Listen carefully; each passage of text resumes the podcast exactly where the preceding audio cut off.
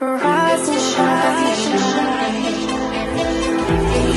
Rise and shine. Rise and shine. Rise and shine. Halo teman-teman Rise and Shine, apa kabar? Senang sekali saya Monika Sinaga bisa hadir kembali di episode kali ini ya. Dan hari ini saya sudah mengajak seorang teman saya, uh, beliau adalah seorang psikiater anak. Topik kita kali ini adalah seputar menjaga kesehatan mental anak selama masa pandemi. Karena ternyata teman-teman problem uh, kesehatan mental ini bukan hanya bagi orang dewasa aja loh, tapi juga bagi anak-anak. Nah, untuk itu saya sudah terhubung dengan teman saya yang bernama Melisa. Halo Melisa, apa kabar? Halo. Halo. Seneng banget loh akhirnya ketemu sama Melisa ya. Udah lama banget ya kita nggak Iya, ketemu ya. Udah lama banget, tiga tahun kali ya. Dan lebih ajaibnya adalah kita sama-sama pakai baju biru hari ini. Biru, oke. Nggak janjian. Gak janjian. Gimana kabar eh, Tangerang hari ini selama pandemi ini? Tangerang, ya banyak yang COVID ya sekarang. Tetangga ada yang kena gitu ya. Tapi puji Tuhan, aku dan keluarga sehat-sehat. Sehat ya. semuanya juga sehat ya di sini. Itu Amin, sih. amin, amin. Eh, tapi eh, aktivitas kegiatan eh, gimana? Masih Eh, berjalan atau? Saya ini banyak kan jadi associate uh, psikolog gitu ya di beberapa startup uh, kesehatan mental yang biasa pakai sekarang tinggal klik gitu ya bisa konseling gitu. Nah, saya lagi aktif di situ jadi lebih aman di rumah aja lebih aman online. ya, Heeh, heeh, benar-benar. Nah, Iya. eh, kita kan sekarang nggak jauh-jauh dari ngomongin pandemi sebenarnya Mel, ya kan? Apalagi kan sekarang sudah masuk episode kedua, tahun kedua, ya ampun kita biasanya merayakan hari apa? Ini kita merayakan hari kedua pandemi gitu. Ya, ulang Nah. tahun COVID ya. Ah, ah, ulang tahun COVID. Nah, eh, yang kita mau diskusikan adalah tentang anak-anak kan, bahwa ternyata mereka harus mengalami yang namanya sekolah online, terus interaksi dengan eh, teman-teman yang berkurang, bahkan mungkin yang overprotect sama sekali hilang gitu kan. Seberapa penting sih kita ini mulai memahami tentang eh, bahaya ataupun tentang apa ya- apa ya kesehatan mental itu sendiri. Oke, sebenarnya di luar COVID pun gitu ya, kita perlu ngerti gitu bahwa anak itu juga sama kayak kita. Mereka juga struggle sama kesehatan mental sebenarnya gitu ya. Kadang kita ngelihatnya ya anak-anak bermain, tapi kita nggak tahu padahal di dalam itu ada banyak hal yang terjadi sama anak-anak. Apalagi kalau misalnya dia nggak bisa cerita gitu ya. Anak ini kan susah gitu. Dia belum ngerti. Nggak mungkin dia bilang mama aku stres gitu ya. Mama aku depresi mama aku cemas. Nggak bisa. Ya yang keluar dari anak ya perilakunya yang berbeda gitu ya. Nah eh, dalam kondisi yang biasa aja bisa terjadi dal- kayak gitu gitu ya kesehatan mental. Entah karena masalah di sekolah tentang sekolah eh, tuntutan sekolah tentang pertemanan, bullying dan lain sebagainya. Jadi banyak yang terjadi. Apalagi sekarang ditambah dengan kondisi yang COVID itu ya yang benar-benar perlu adaptasi yang besar-besaran gitu ya. Orang dewasa aja kayak kita gitu ya. Itu juga adaptasinya struggle sekali gitu ya. Harus di layar kerja di rumah ngurusin suami, anak. Waduh, itu kan juga berat buat kita. Dan anak pun ternyata juga ngalami hal yang sama karena sama-sama ada perubahan. Nah, perubahan ini kadang kalau tidak diterima dengan baik, ya pasti akan munculnya stres gitu. Kita aja stres, ya anak kita bisa stres juga gitu sih. Jadi em, combo gitu ya, ada combo double yang bisa terjadi sama anak. Ada tuntutan sekolah, tapi sekolah sekarang di rumah. Ada tuntutan dari orang tua lagi yang lebih ngeliatin anak secara langsung. Jadi itu juga bikin stres dan tadi keluarnya di perilaku anaknya. Mm-mm. Yang bisa kita lihat adalah perilaku yang berubah pada anak itu sih. Oke, kalau tadi eh, Melisa bilang adanya perubahan perilaku ya, berarti kalau kayak saya sebagai ibu gitu, kira-kira ciri-ciri apa aja ya yang uh, yang bisa buat jadi patokan buat para orang tua bahwa ternyata oh ini ada mulai perubahan nih terjadi sama anakku gitu. Itu kita mulai ada indikator-indikator apa aja tuh? Betul, jadi memang harus jeli gitu ya, karena tadi anak tidak bisa ngomong dirinya kenapa, tapi bisa kita lihat dari perilaku-perilaku yang berubah. Misalnya, ketika dia biasanya lumayan ceria nih gitu ya. Bisa ya walaupun mungkin uh, apa sedih sebentar gitu ya. Tapi kemudian oke okay, ceria lagi. Tapi kita lihat kok dalam beberapa hari ini cenderung moodnya low gitu ya. Murung gitu ya. Kayak males ngapa-ngapain. Walaupun mungkin biasanya juga males. Tapi ini malesnya dalam uh, kondisi yang lebih ekstrim gitu ya. Ada hal-hal yang biasa dia senangi tiba-tiba dia nggak mau lakukan itu udah satu tanda gitu ya. Kemudian murung terus-terusan kemudian uh, bisa juga kayak nafsu makan turun ya. Dan benar-benar yang paling mungkin sering adalah males ngapa-ngapain. Bahkan hal yang dia suka sekali dia bisa happy lakuin biasanya sama sekali enggak ataupun ngelakuin tapi biasa aja. Itu udah tanda yang cukup berat gitu ya cukup-cukup perlu jadi perhatian. Dan juga mungkin dalam bentuk kayak perilaku tantrum gitu ya nangis kemudian tiba-tiba marah nggak jelas meluapkan kekesalannya. Walaupun dulu mungkin melakukan tapi ini dah dalam kondisi yang lumayan lama intensitasnya lebih dari sebelumnya. Itu perlu jadi perhatian. Perubahan-perubahan itu perlu di note sama mama mama sama papa papa Terus ketika mulai melihat adanya tanda-tanda perubahan itu, uh, apa yang uh, sebaiknya para orang tua lakukan? Nah dalam kondisi ini memang butuh waktu gitu ya karena an tadi anak nggak ngerti apa yang dirasakan ya tiba-tiba nggak mau aja gitu ya jadi memang kita sebagai orang tua perlu pendekatan lebih gitu ya lebih ke arah nggak perlu tanyain kenapanya dulu karena dia pun nggak tahu gitu ya tapi just nemenin aja. Hmm. jadi divalidasi apa di refleksikan emosinya. Kamu capek ya sekolah terus. Kamu capek ya nggak bisa main keluar. Nah dari situ kita bisa tahu masalahnya kenapa dia gitu ya. Jauh dari teman-teman kak atau tuntutan dari sekolah yang terlalu banyak tugas online harus di videoin sementara dia bukan anak yang ekstrovert gitu ya. Anak yang introvert itu kan jadi satu tekanan. Jadi kita yang pancing uh, apa perasaannya dulu. Kemudian intinya adalah buat dia nyaman dulu sama kita. Jadi kita tuh orang yang sangat nyaman bukan kita jangan panik dulu gitu ya untuk mama-mama biasanya kan aduh kenapa kamu? Kenapa? Dia nggak tahu gitu. Tapi tenangin diri dulu temenin dulu. Karena itu uh, apa ya uh, kayak obat P3K tuh obat P3K yang paling awal banget kalau jatuh dicuci gitu ya. Mm -hmm. kalau ini temenin dulu. Ya itu yang penting dilakukan dulu. Kemudian diri itu kan mulai dia sendiri dengan pertanyaan kita mulai berpikir gitu ya. Apa yang dia nggak suka? Kita boleh apa bagian mana yang nggak disuka? Mama bisa bantu apa? Tapi pelan-pelan aja. Jangan langsung dipus gitu. Kenapa? Kenapa? Dia nggak tahu. Jadi pelan-pelan aja biarin anak yang terbuka sendiri. Karena kita nggak bisa paksa juga. Intinya temenin dulu aja gitu. Tapi kalau misalnya hmm, dalam kondisi kurun waktu terus-terusan nih misalnya dua minggu gitu ya. Benar-benar kondisinya benar-benar tambah moodnya low gitu ya dan benar-benar berat badannya bahkan turun gitu sampai males ngapa-ngapain mandi pun susah gitu. Itu berarti itu sudah satu tanda butuh pertolongan yang lebih gitu ya. Jadi perlu dibawa ke professional help hmm. gitu. Tapi mama ini adalah pertolongan pertama. Mama dan papa itu adalah pertolongan pertama anak itu adalah case apabila yang di rumah adalah uh, papa atau mamahnya. Tapi kalau misalkan mereka adalah orang tua yang bekerja gitu, terus hmm. anak dititipin sama oma atau opa gitu. Hmm.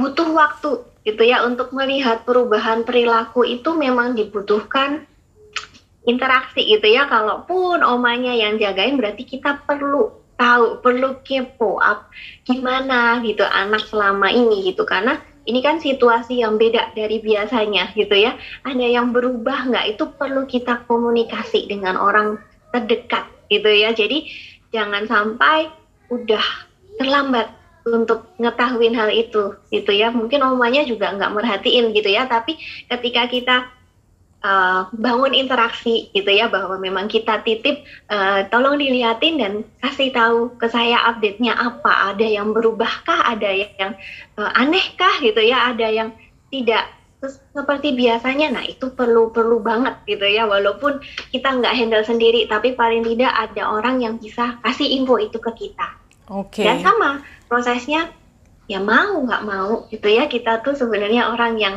dipercaya gitu ya sama anak kita. Jadi ya kita mama papa adalah orang yang pertama yang membantu anak untuk bisa ngelewatin hal ini. Ini dalam tadi situasinya yang sangat sulit. Kita aja sulit gitu ya. Jadi kita perlu empati juga bahwa anak kita juga mengalami hal yang sama tapi mungkin beda kasus kita di kerjaan, dia di sekolah. Itu jadi benar-benar ya paling tidak ada waktu quality time bareng anak untuk ngomongin tadi kenapa? Ada apa? Ya biarin cerita aja gitu ya. Dan kalaupun menemukan hal-hal yang misalnya dapat info gitu ya dari oma begini begini oke okay. uh, eh, ya tanyain aja gitu ya. Tadi oma bilang gini gitu. Mama pengen tahu dong cerita kamu gitu ya. Jadi tapi jangan bentuk menyalahkan tapi sebagai apa pengen tahu penasaran dengan apa yang dikerjakan seharian gitu ya jadi enggak okay. anak juga nyaman cerita Oke okay, gitu. oke. Okay. Tapi kalau dari kacamata Melisa sendiri sebenarnya uh, dampak uh, negatif apa sih yang uh, paling berasa selama proses sekolah online ini dan bagaimana kita mengantisipasi itu? Memang pasti ada plus dan minusnya gitu ya. Tapi ini benar-benar satu tantangan yang perlu dihadapin gitu. Karena kita nggak tahu kemungkinan sekolah online ini akan ya terus-terusan gitu ya. Karena memang zamannya udah digital gitu-gitu ya.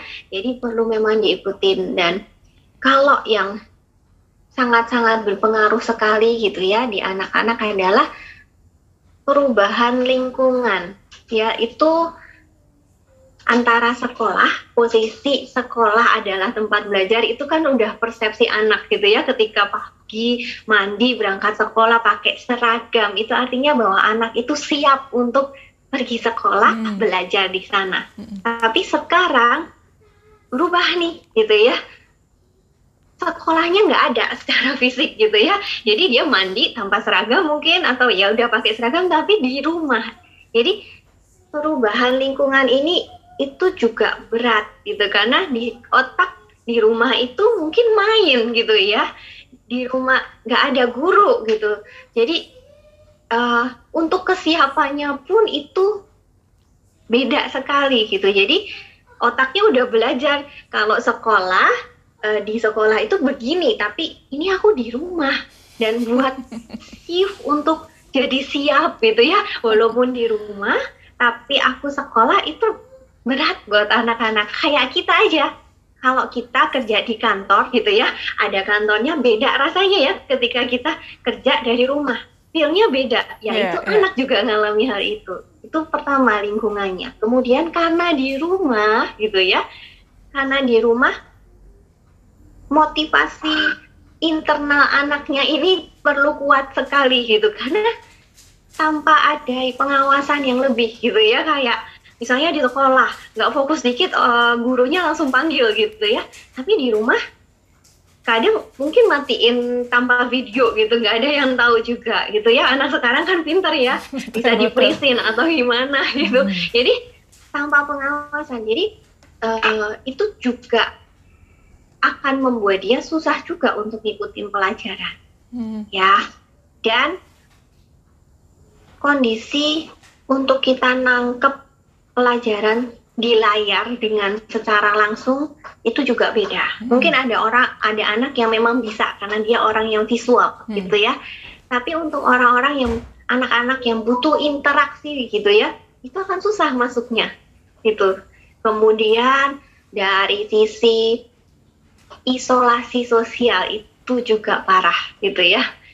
eh, intinya adalah karena anak ini kan butuh belajar untuk berinteraksi sama orang gitu ya sama temen. Karena ketika ketemu secara langsung mungkin terjadi konflik dan lain-lain dan harus nyelesain gitu ya. Betul, betul. kalau di secara online nggak bisa gitu ya. Ya udah mute aja gitu ya. Kalau enggak enggak ya kalau konflik pun akan susah gitu. Maksudnya akan malah akan jarang terjadi hal itu. Interaksinya kurang sekali sehingga komunikasinya pun mungkin akan nggak terlalu berkembang dengan baik gitu ya. Mungkin karena ini masih dalam proses awal sekali mungkin besok-besok bisa jauh lebih baik gitu ya. Kemudian selain itu isolasi sosial kemudian tadi yang berhubungan dengan eh, apa kemampuan daya tangkap ya itu mau nggak mau akan jadi berhubungan dengan nilai gitu ya. Berhubungan dengan nilai itu hubungannya dengan orang tua juga gitu ya. Jangan-jangan jadi orang tuanya jadi wah nilaimu kok jelek. Waduh itu tambah bikin anak down lagi. Banyak hal gitu ya yang yang bisa terjadi gara-gara online ini. Secara fisik kesehatan pun akan berpengaruh. Mata gitu ya kesehatan mata mungkin jadi gampang minus jadi makanya perlu kasih kacamata gitu ya. Walaupun bukan kacamata yang minus tapi buat eh, nangkal gitu ya. Kemudian posisi duduk eh, punggung gitu ya. Itu juga sangat berpengaruh ke anak kesehatan anak. Karena kadang kan enak aja gitu ya. Di kasur aja kan kelihatan hanya segini gitu ya. Jadi duduknya nggak benar padahal dalam waktu yang berjam-jam. Gitu. Jadi cukup banyak hal yang terjadi. Walaupun ada positifnya juga karena mau nggak mau orang tua akan dipaksa untuk masuk dalam pendidikan anak ya. Tapi masalahnya se, se apa sesiap apa orang tua menghadapi hal ini gitu. Kalau nggak siap ya dan tidak me- berusaha memahami apa yang terjadi sama anak pasti tuntutannya akan tinggi. Dan itu yang bikin anak jadi tambah stres. Padahal situasinya ini lagi beda loh situasinya tuh susah tapi aku dituntut untuk sama eh, nilainya atau untuk suksesnya sama ketika dalam kondisi normal itu nggak adil makanya mama-mama dan papa-papa saya harap gitu ya dalam situasi yang covid ini benar-benar mungkin turunin standar sedikit gitu ya karena kita semua dalam kondisi yang benar-benar susah gitu Oke. untuk bertahan aja anak bisa bangun pagi dan nyalain dan dengerin itu udah luar biasa sebenarnya. Oke, ya oke. jadi perlu diapresiasi juga semangatnya walaupun masih ah gitu ya males tapi itu perlu diapresiasi. Saya menemukan satu kata yang yang menarik sekali loh tadi yang Melisa eh, sampaikan gitu dibalik dari sedemikian banyaknya hal yang harus eh, kita alami gitu faktor-faktor negatif perubahan-perubahan gitu yang mau nggak mau kita hadapi. Ternyata terus apa ya passwordnya ya untuk bisa ngadapi semua itu? Apakah hati yang gembira hati yang bahagia atau banyak berdoa banyak bersyukur? Ternyata tadi aku nangkap satu hal yang sangat eh, eh, langsung kayak oh ini nih gitu. Yaitu turunkan standar kayaknya itu ya Mel ya untuk turunin ekspektasi ke anak turunin gitu ya ekspektasi ke anak gitu ya oke Iya, itu penting banget karena anaknya lagi aduh susah banget gitu. Kalaupun saya balik ke zaman kecil dan saya ngalamin ini juga kayaknya bakalan susah banget gitu ya. Saya bakal nangis terus kayaknya ya gitu. Jadi memang susah gitu. Jadi pahami situasinya dan turunin ekspektasinya. Oke, oke, oke. Nah, saya juga sempat kepikiran tuh bahwa ketika eh, kita bisa menyalurkan energi yang baik gitu kepada anak, otomatis kan para orang tua itu harus menyadari betul bahwa mereka happy dong. Betul, betul. Karena kan mungkin logikanya orang tua yang stres nggak mungkin bisa eh, memberikan vibe yang positif gitu untuk Betul. circle di rumah untuk anaknya gitu. Mm-mm. Nah, ada saran nggak nih untuk para orang tua untuk ngecek diri dulu, ini aku dalam posisi yang oke nggak ya nih gitu? Atau mungkin dia dalam posisi yang lagi kesal misalkan. Apa yang bisa dilakukan oleh para orang tua itu? Itu bener banget. Jadi memang kunci utamanya sebelum kita apa ngatasin anak kita, kita sendiri pun harus sembuh dulu gitu ya. Kita harus tahu caranya untuk handle diri kita sendiri Mm-mm, karena. Kalau kita stres, anak kita pun akan kena kena eh, dampak stres kita gitu ya. Jadi kayak kayak ibaratnya kalau di pesawat mah gitu ya, biasanya kan kalau terjadi apa-apa kamu yang pasang oksigen dulu baru nolongin anak kamu gitu ya.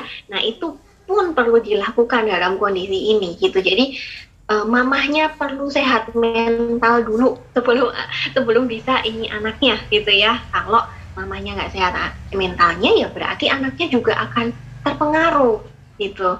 Nah caranya gimana ya? Karena mama juga, mama ataupun papa juga lagi struggle kan dalam hal ini gitu, baik finansial, kemudian secara relasi juga gitu ya, itu juga berpengaruh sekali. Jadi ini eh, pengaruh COVID ini ke semuanya gitu Iya, ya betul, betul. semua ngalamin. Jadi kalau mama dan papa yang paling penting adalah perlu namanya kesadaran diri. Gimana caranya supaya sadar diri gitu ya, punya self awareness tentang dirinya. Mm-mm.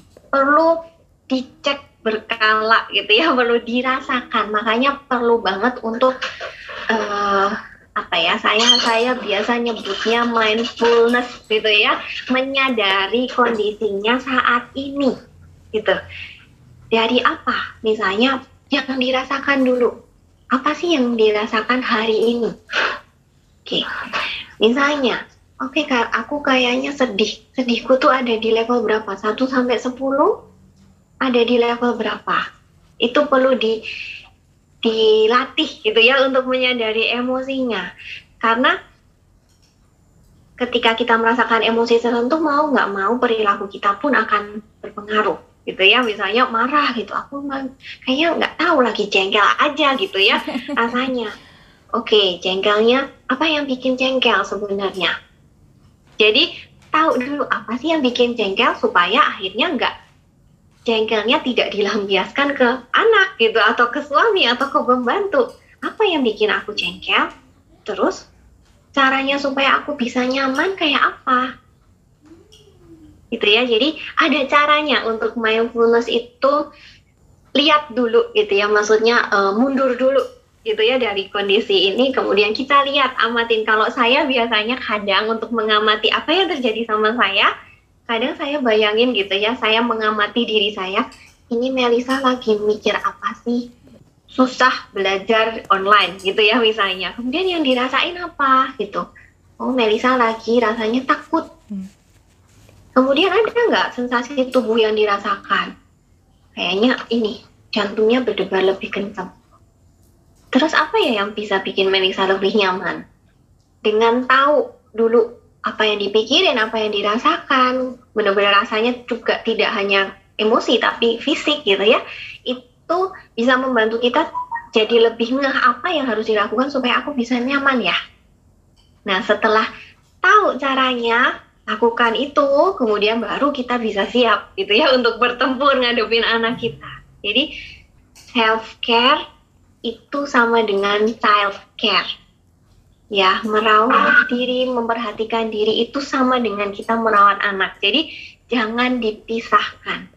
Gak ada waktu gitu ya kadang nggak ada waktu sama sekali nih gitu aku harus ada sama anakku but kamu harus siap mental dulu. Kamu harus perhatiin juga diri kamu dulu supaya kamu oke dulu nyaman dulu baru kamu ke anakmu. Jadi self care is child care gitu ya. Nggak bisa dipisahin. Orang bilang egois ya eh, biarlah penilaian mereka gitu ya. Tapi Oke. itu sangat penting sekali. Jadi buat mama-mama tanyain aku nyamannya gimana ya? Tapi bukan berarti lepas dari tanggung jawab ya. Itu misalnya ini perlu juga kerjasama sama pasangan. Aku lagi nggak enak. Jadi menyadari diri itu juga membantu kita mengkomunikasikan hal itu ke orang lain. Ya misalnya pasangan aku lagi agak jengkel hari ini gitu ya. Jadi boleh nggak bantu aku di bagian ini misalnya 10 menit dulu Oke. deh gitu aku aku sambil relaksasi nafas dulu deh aku jalan-jalan dulu sebentar nanti aku balik lagi. Jadi suami pun tahu kebutuhan kita gitu ya bahwa kita butuh me time dengan alasan ada ada perasaan yang nggak nyaman nih sama aku. Kalau aku langsung hadapi anakku mungkin aku akan jadi membuat anak jadi kesal dan marahku tambah besar misalnya. Jadi dalam kondisi ini self awareness kemudian self care itu penting. Ingat analogi oksigen gitu ya masker oksigen di pesawat itu perlu banget untuk mama dan papa Wow, wow. itu sih Berarti ini memang eh, perlu tim teamwork juga ya, membangun teamwork yang sangat kuat Betul. juga ya antara eh, suami, istri, papa dan mama gitu ataupun semua stakeholder yang ada di dalam termasuk Betul. pengasuh ataupun eh, oma, opa, siapa pun yang dititipkan eh, anak Betul. ya. Nah, stres itu juga adalah ketika kita melihat anak-anak udah online pakai gadget, main dengan gadget, itu kan. Ya. Eh, sebenarnya ada nggak sih eh, regulasi keseimbangan yang menurut Melisa ini cukup ideal diterapkan ke anak-anak tentang pengaturan screen time antara aktivitas fisik dan juga waktu tidur? sebenarnya kalau di dulu gitu ya sebelum uh, COVID ini ada gitu dan belum online itu uh, lebih sangat strict sekali gitu ya untuk penggunaan gadget gitu ya karena memang perlu diminimalisir gitu karena uh, tidak terlalu kalau kita masih kecil ya sebenarnya tidak terlalu diperlukan gitu ya.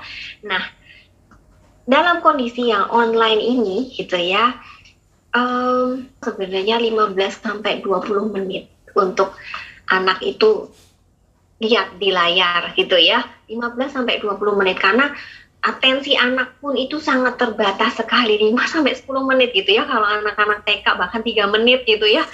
Jadi 15 sampai 20 menit itu udah maksimal sekali gitu. Jadi setelah itu istirahatkan mata gitu ya dan kalau anak-anak di bawah lima tahun itu memang butuh kebutuhan untuk bergerak secara kinetis itu banyak gitu ya. Oke. Jadi oke setelah lihat layar terus selama 15 sampai 20 menit istirahat saya nggak tahu sih aturan di sekolahnya gimana tapi begitu waktu istirahat ajak anak untuk bergerak ya karena ini juga struggle ketika online karena jadi nggak banyak bergerak kalau di sekolah kan istirahat uh lari-lari Iya. gitu ya ini nggak sama sekali makanya perlu anak-anak untuk diajak bergerak istirahatnya bergerak.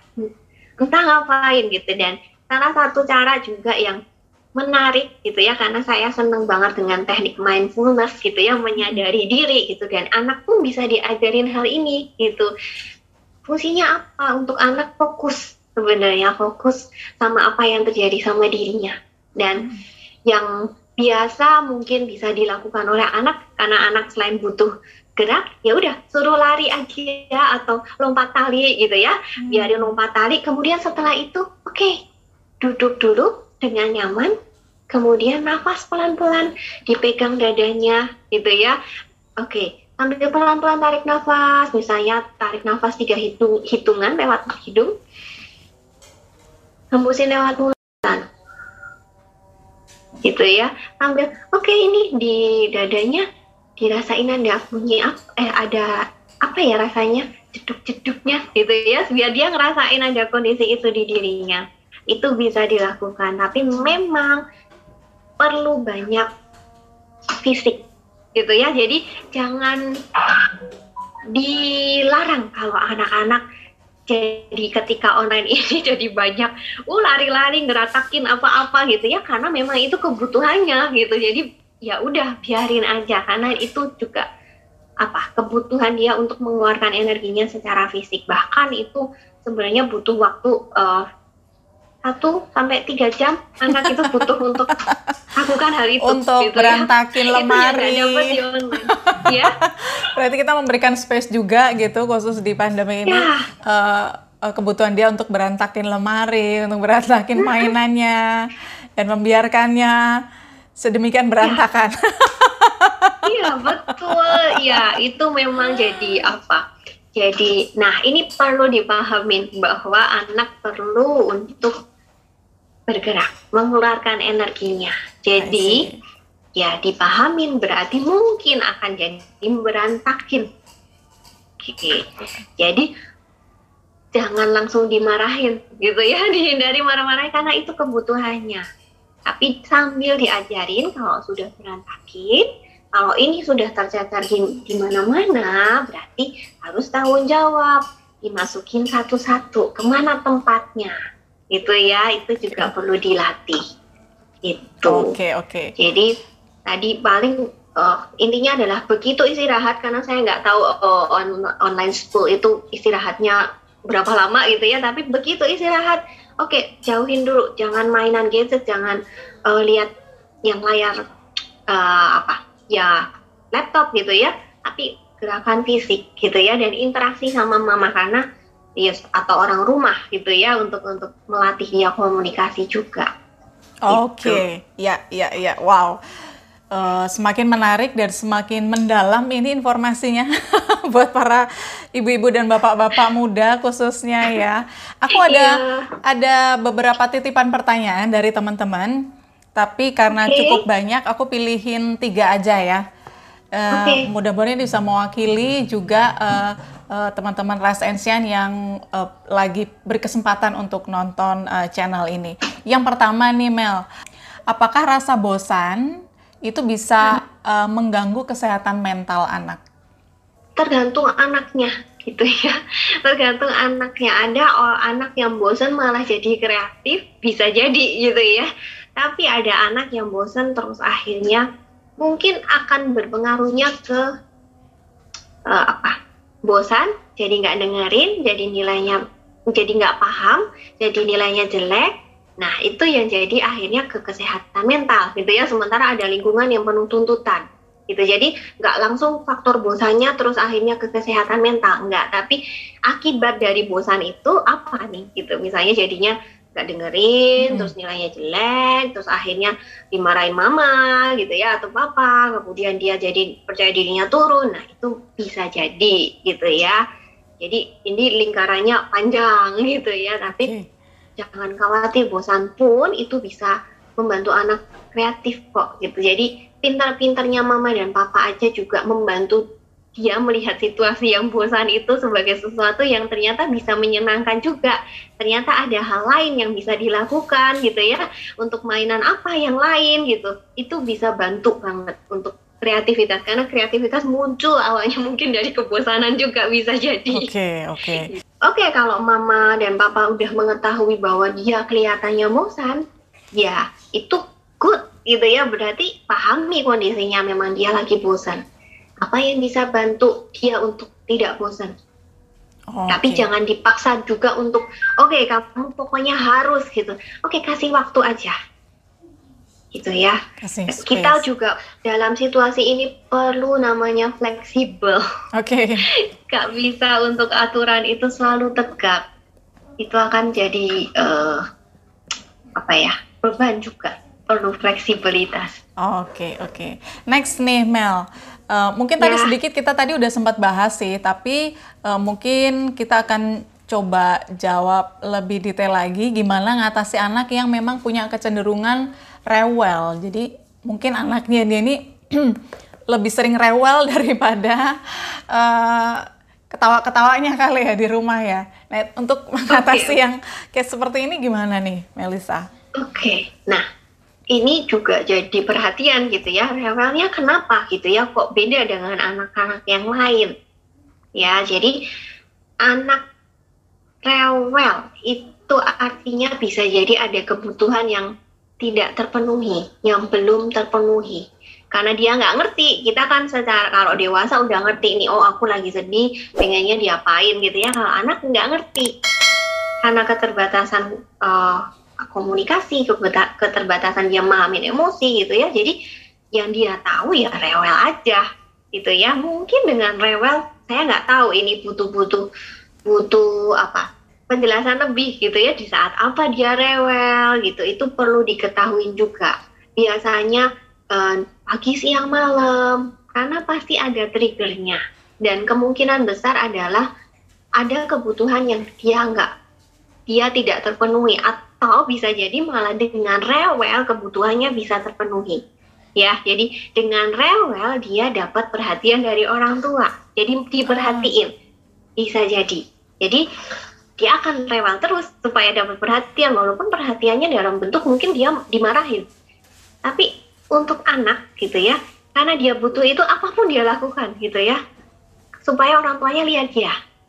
Ataupun ketika dia rewel ada ya udah biar cepet diam dikasih deh apa yang dia mau. Nah itu juga ah, anak tuh pinter gitu ya jadi belajar bahwa aku aku nangis deh biar dapat ini gitu secara nggak langsung bisa jadi perlu diketahui juga secara dalam gitu ya Hmm. kapan kemudian apa yang bisa bikin dia diem gitu ya nah itu perlu perlu orang tua tahu Oke, mudah-mudahan tadi yang kedua Ya. sudah cukup menjawab. Terus yang berikutnya adalah eh, perlukah berkonsultasi ke psikolog apabila anak mulai banyak memberontak? Ini lagi-lagi bukan berarti anaknya yang bermasalah gitu ya. Kadang gitu ya perlu juga orang tuanya untuk melihat diri gitu ya bahwa mungkin ada sesuatu yang tidak sesuai sehingga anak memberontak gitu ya. Jadi itu hmm, ini yang cukup apa? Kalau ngomongin tentang anak kesehatan mental anak itu kadang orang tuh bukan hanya anaknya yang perlu diperbaiki, tapi satu paket, bahkan satu keluarga, bahkan sama pembantunya gitu ya. Oma, opa, pembantu semua itu perlu untuk tahu ah gimana cara handle anak, gitu ya. Tapi kalau memang apa belum bisa diketahui kenapa anak memberontak gitu ya it's good ketemuin dengan psikolog karena atau siapa pun gitu ya profesional help atau konselor gitu supaya tahu ah, dan nyaman mungkin yang yang bikin kesel adalah orang tuanya sehingga dia nggak bisa ngomong gitu ya. Tapi ketika dia ketemu orang lain yang jauh lebih netral dia bisa ngomong terbuka. Tapi ya lagi-lagi orang tua harus misalnya pun yang bikin kesel adalah orang tuanya ya orang tua harus terbuka juga bahwa ada hal yang perlu diperbaiki dari dirinya sehingga anaknya pun nyaman. Oke. Oke, itu teman-teman and Shine dan ibu-ibu yang udah eh, nitip pertanyaan. Mohon maaf kita eh, bisa sharekan ke Melisa tiga aja karena eh, faktor durasi juga ya kita harus eh, eh, pilih gitu tiga dari sekian banyak pertanyaan. Eh, saya bisa dapat banyak hal loh eh, obrolan dengan Melisa eh, hari ini adalah tentang fleksibilitas, tentang menurunkan standar, tentang self awareness gitu dan tentang apa ya full attention gitu kepada anak-anak. Dan eh, apalagi kira-kira Mel yang perlu eh, diasah oleh para orang tua hari-hari ini di masa-masa pandemi ini demi keberlangsungan kebahagiaan yang Keberlangsungan yang tetap ini harus ya. diupayakan ya kan hari-hari ini baik antara relasi antara eh, ayah, ibu dan juga anak tentunya.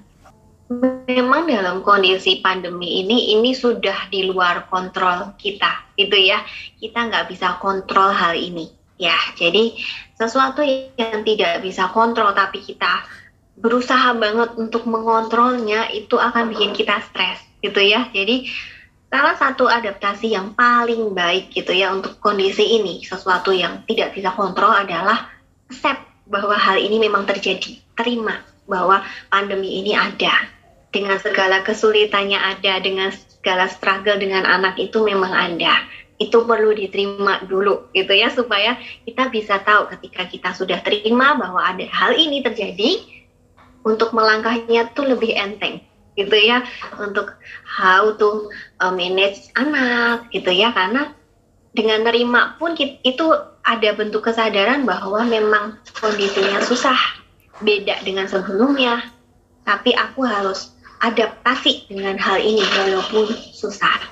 Itu itu penting banget untuk punya keterampilan menerima kondisi ini sebagai bagian dari hidup kita gitu ya hidup seluruh masyarakat di dunia ini gitu mereka semua ngalamin jadi ketika tidak kita tidak punya kemampuan untuk merubah terima.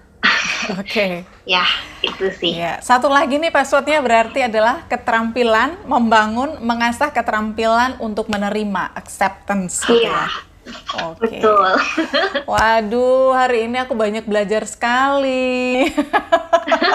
Sama-sama, Bu. Aduh, saya juga senang bisa share gitu ya, karena iya. ya, yang struggle banyak sekali.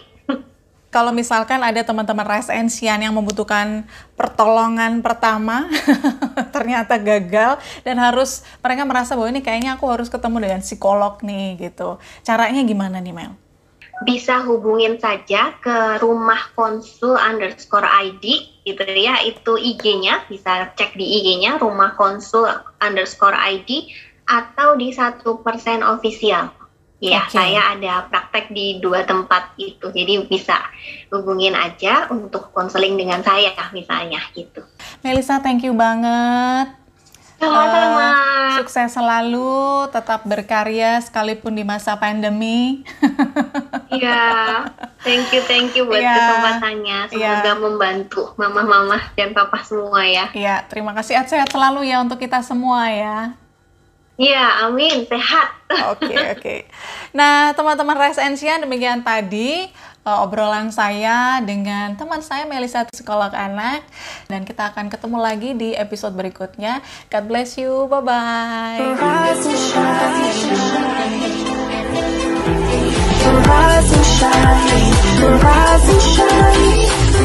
Rise